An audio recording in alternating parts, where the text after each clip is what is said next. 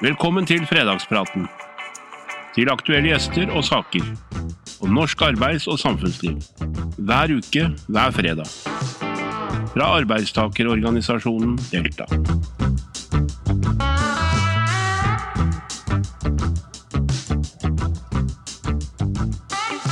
Hei og velkommen til en ny fredag og en ny fredagsprat. Også denne uken har vi vært vitne til eh, grusomme hendelser i det krigen som pågår nå i Ukraina. Fra Putins massemobilisering i Moskva på mandag og fram til i dag oppleves krigen som uendelig.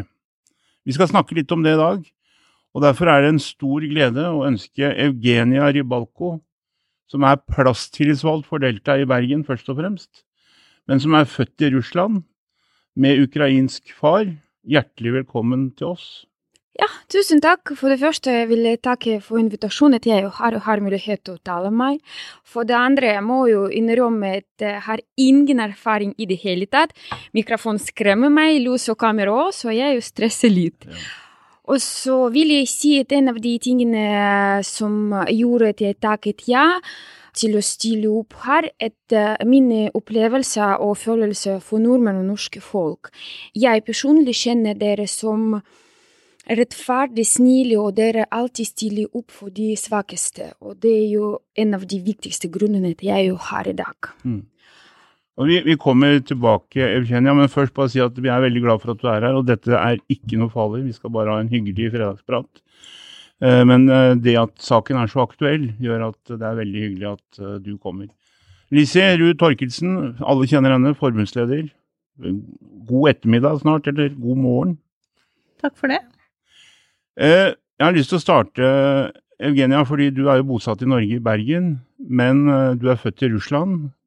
Hvordan opplever du krigen i Ukraina med din bakgrunn? For det første, jeg er født under Sovjetunionen. Jeg har jo russisk mor og ukrainsk far, og de var jo skilt når jeg var jo barn. Så jeg jo pendlet frem og tilbake veldig mye. Jeg jo bodde oppvokst i Murmansk, og så hver eneste sommer brukte i Dnipropetrovsk i Ukraina, det er østsiden. Så jeg er jo like glad for begge sider, like glad i begge land, og det som foregår nå, det er veldig, veldig, veldig trist. Det er uakseptabelt, det er vanskelig å forstå. Det gjør uh, veldig vondt, det er kjempe Det er vanskelig, rett og slett. Hvis du utdyper ordet litt vanskelig, hva, hva, hva, det, hva tenker du da? jeg tenker at jeg har jo venner, familie på begge sider. Jeg tenker at uh, Jeg har ikke forståelse, det er meningsløs krig. Uh, Ukraina uh, dag forsvarer seg. De vet hva de kriger for. Hva driver Russland med? Mm. Alice, krigen påvirker oss alle. Hvordan reflekterer du over uh, krigen så langt? Nei, vi har vel også i Delta prøvd å vise våre ståsteder der. Vi har vært ute og sagt fra at og å angripe et demokrati, det er uakseptabelt uansett hvor det ligger, og denne gangen er det jo veldig nærme oss også. Jeg tror at mange kjenner det veldig godt. Samtidig så har man jo veldig mange flater gjennom det digitale og teknologiske, så man kommer veldig tett på. Så jeg, vi er nå uten tvil svært, håper jeg, tydelig nok på å si at det er uakseptabelt, og og har også vært i samarbeid med politikerne våre i forhold til hvordan vi skal eh, rigge oss til. I tillegg så er jo Deltas medlemmer ute, ikke bare i kommunene, men i hele, i hele samfunnet, i forhold til hvordan vi skal ivareta de da som kommer som eh, flyktninger, for eksempel, som også kommer på, på våre medlemmer. Og jeg opplever eh, også at det er, veldig ønske om å kunne hjelpe så godt som mulig. Mm. Ja, Evgenia, det er jo mange flotte russiske og ukrainske mennesker som bor og jobber i Norge. Eh, og flere av dem er faktisk medlem i Delta, både russere og ukrainere som jobber i ulike jobber. Hvordan reflekterer det russiske miljøet i Norge på det som nå skjer i Ukraina? Jeg har bodd i Norge ganske lenge, og jeg kjenner ikke til sånn et såkalt russisk miljø. Vi har jo russisk språklig miljø. Mm. Og det vil si at det er mange nasjoner fra hele verden. Det er fra, folk fra Litovia, Latvia, Estland, Moldova, Russland, Hviterussland, Ukraina. Og vi er her uh, flyktninger, og vi er venner. vi har jo felles språk, vi snakker jo russisk. Og det, den krigen gjør like vondt for alle. Mm. Mm. Uh, For absolutt for alle. Mm. Mm. På forskjellige måter, ja, det er helt sant, men ingen støtte i Mm. det hele tatt. Nei. Uh, Vi jo lever 2022. Uh, Det går ikke an å krige nå Nei. Nei, det på den måten. Jeg tror mange er helt enig med deg på det. Men, men dette Eugenia, er jo først og fremst Putin-regimets krig mot Ukraina. Og mange russere protesterer jo mot krigen i flere russiske byer. Tusenvis er arrestert. Regimet knebler friheten, demokratiet. Hvordan opplever du det som eh, russisk født? Uh, Det er farlig. Mm. Uh, Det er en kjempefarlig situasjon. Nå kan jeg jo sammenligne litt med uh, han statsminister under, norsk statsminister, eller statsminister i Norge under verdens, andre, andre verdenskrig. Han, Quisling. ja, Mm. var det veldig mye motstand. Var det mange folk ute på gata i byer og bygder? Var det mye motstand og protester? Nei, men det betyr ikke at folk var jo enige sant, med regimet, og han var jo her, Hitlers harde mann. Men hva skjedde der da? Folk gjorde jobben under hva skal jeg si, noen er jo informerte i fjøset med radio, sant? Noen gikk ut med de, hva det heter, vi kan jo si sånn stille protest med disse røde nisselue og rød binders. Det gjør folk i Russland òg, de tar jo på blå genser og gule bukser. Men det er farlig, de kan jo faktisk straffes for det. Mm. Det gjør det. Det er en god sammenligning, Lissi, at, eh, at eh, det som skjer nå i Ukraina er likt det, det tyske angrepet på Norge under andre verdenskrig. Og motstanden mot krigen eh, var jo både sterk i Norge, men som Eugenia sier, det var vanskelig å drive motstand. Hvordan, hvordan tror du nordmenn reflekterer over det som skjer i Ukraina, ut ifra den erfaringa vi sjøl har? Senest søndag i forrige uke så markerte vi jo frigjøringsdagen. Det er jo veldig spesielt eh, også å markere sånn som vi gjorde nå på søndagen. Så, så jeg tror i hvert fall at eh, vi som eh, er eh, privilegerte og bor og lever her i Norge, skal ha veldig stor respekt på hvordan også det russiske folket agerer under denne krigen. Fordi man kan sitte og tenke at man skulle gjort sånn og sånn, men det er ingen som kan sette seg inn i den situasjonen hvis man ikke er der der og da, og ikke minst de truslene og de, de, de, den faren som, som følger med. Så jeg, jeg, jeg tenker bare at det er vår jobb er jo å oppfordre til å ha stor respekt både for de som er i landet her, eh, og stor respekt for de som eh, faktisk lever under det regimet som er. Eh, vi skal være veldig forsiktige med å sette merkelapp på noen som helst. Dette er gode folk som gjør sitt beste i den situasjonen de er i, og det må vi respektere. Hver uke inviterer jeg, programleder og politisk rådgiver i Delta, Knut Roger Andersen, aktuelle gjester til å diskutere aktuelle saker i vårt studio. Men vi vil også ha med deg i diskusjonen om temaene som angår norske arbeidstakere til daglig. Følg oss derfor gjerne på Facebook og Instagram, og fortell oss hvilke saker du mener vi bør være opptatt av. Eugenia, vi har fått eh, meldinger om at det er mange russiske altså mennesker født i Russland som jobber i Norge, som opplever utfrysing på jobben, som opplever sjikane som følge av krigen til Putin. Det er også meldt at russiske barn blir mobba på norske skoler for det som skjer eh, fra Putin-regimet. Hvordan opplever du det, og hva tenker du om eventuelt en sånn situasjon? Eh, Det er først, eh, som alle av oss må gjøre, å gå inn i seg selv og stille spørsmål. Hvem er kriger? Er det vanlige folk, eh, eller sånn, er det sånn stor politisk game? Hvem, hvem er kriger nå? Det er det første vi må svare. Og da kommer svaret at det er ikke vanlige folk som kriger. Eh, De kan ikke bare være skyldige for det. sant? Det er det første. For det andre, vi foreldre vi må jo passe på hva sier vi hjemme. Hva snakker vi om rundt bordet eller på sofa på grunn av våre barn? De hører på det vi sier, og de bringer det videre. Det er vi som ansvarlig. Og tredje ting, skole må jo ta grep inn. Skolen, eh, rektor, eh, ansatte må passe på. Det tenker jeg. Ja, Lisi, det er jo en veldig alvorlig situasjon at uh, barn av russisk foreldre, russisktalende barn, opplever mobbing på skolen. og vi har jo også fått melding her i Delta via Delta Direkte om russiske arbeidstakere som er medlem i Delta, som opplever utfordringer på arbeidsplassen. Hvordan reflekterer du over akkurat den problemstillingen? Nei, der vil jeg være så tydelig og si at det er helt uakseptabelt. Det kan vi rett og slett ikke finne oss i, og da må vi rundt ta affære hvis vi hører det. Ikke bare de som har ansvar på, i skolen eller sånn, men det er et felles ansvar vi alle har. Da må vi begynne med oss selv, og så må vi ta eget ansvar. Sånn skal vi ikke ha det. Men kunne, kunne det som Eugenia nå sier om foreldrenes ansvar Vi er jo alle foreldre, besteforeldre. Er vi bevisste nok på hvordan vi eh, kommenterer krigen hjemme i forhold til barn som oppfang... Altså det er jo 99% av norske folk har én oppfatning om denne krigen, og det er imot. Og det preger sikkert også kommentarfeltet inn mot, mot det som skjer fra Moskva, men bør vi være litt mer bevisste hvordan vi formulerer oss? Helt sikkert. Det kan vi helt sikkert alltid være. Og én ting er jo å, å, å, være imot krigen, en annen ting er jo å omtale det som at det er hele det russiske folks eh, ansvar. Det er liksom to helt vidt forskjellige ting, så kanskje vi må passe på, da, hvis, når vi ser at det fungerer ikke sånn som vi har tenkt, at vi må passe på å fortelle at det faktisk ikke er sånn. At det er helt gode, vanlige mennesker som oss som må bli ivaretatt og lever i en helt spesiell situasjon under et regime som faktisk velger å gå inn og krige. Så absolutt, man kan mm. alltid bli bedre på språk mm. og kommunikasjon.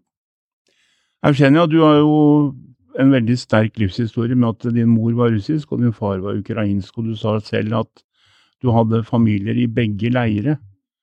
Og det å oppleve at uh, altså tidligere brødre og søstre nå går til angrep på en, det at ukrainere opplever at det russiske armé går inn og skyter på dem, brenner ned husene, voldtar kvinner, dreper mennesker.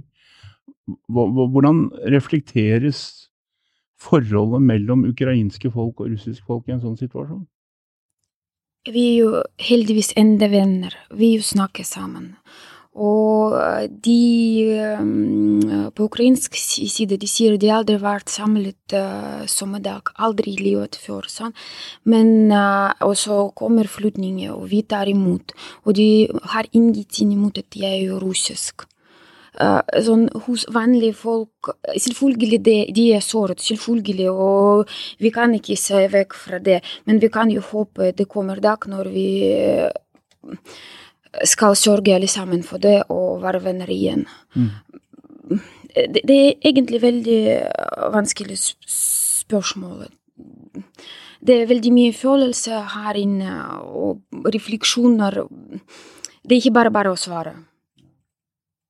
Og jeg vil ikke gå i dybden. Alle har jo forskjellige utgangspunkter. sant? Vi må jo huske at her er jo kulturen, historie Rett og slett Ukraina også delt i øst og vest. Det, det er veldig mye å svare for. Mm. En konsekvens av denne krigen er jo alle som flykter fra Ukraina. Det er tolv millioner mennesker som nå er flyktninger i Ukraina, og fem millioner, like mange som Norges befolkning, er forlatt Ukraina, altså ut uh, til andre land. Nå er det også mange russere som forlater Russland, som ikke vil bli boende i Russland. De flytter, og noen flykter. Hva syns du Norge bør gjøre i forhold til både de som kommer fra Ukraina som flyktninger, og de som flykter fra Russland? På hvilken måte bør vi være bevisste på å ta dem imot? Selvfølgelig skal jo ta dem imot. Selvfølgelig skal jo hjelpe og støtte, og, både mentalt og med penger, rett og slett. De må jo ha brød og spise og klær, sant. Og jeg lover deg, det kommer hit oppegående folk. De vil ikke være her. De vil tilbake og bygge land tilbake. De ønsker å bygge sine byer. De kanskje alle disse årene ønsket å komme til Europa, men per i dag de skjønner at det er bedre hjemme. Mm. Mm. Sånn vi Ja. Mm. Eh, Lise, kunne fagforeningene tatt mer på alvor Eller kunne Fagforbundet og fagforeninger, og ikke minst fagbevegelsen samla, gjort mer i forhold til forståelsen av denne konflikten? Altså kunne vi er det noe vi, vi, burde ha gjort som vi ikke har gjort? Har, du har jo nevnt Delta, som aktivt har støtta både ukrainsk eh, fagbevegelse, vi har medlemmer som jobber i forhold til flyktningmottak, og vi har vært med og fordømt, på linje med resten av internasjonal fagbevegelse, den russiske fagbevegelsen som støtter dette her. Men kunne vi ha gjort andre ting? Det kan vi helt sikkert, og kunne helt sikkert. Men vi har jo også jobbet gjennom Norden, vi har jo jobbet gjennom eh, Europa og gjennom eh, verdenssamfunnet når det gjelder fagbevegelsen, for å samle støtte og for å stå fram med én eh, stemme. Og der jo, mener jeg jo både Norge og Norden har vært særdeles tydelig for å få med, med alle. Men i enhver situasjon så kan man jo gjøre mer. Men jeg tror det aller viktigste er at vi også ute gjennom våre tillitsvalgte og plasstillitsvalgte Eh, og gjennom hele apparatet vårt nå passer på at vi ivaretar hverandre og opptrer på en eh, helt normal, ordentlig måte. Mm. Eugenia, du er jo plasttillitsvalgt i Delta, og vi er jo stolt av, eh, av, av plasttillitsvalgte.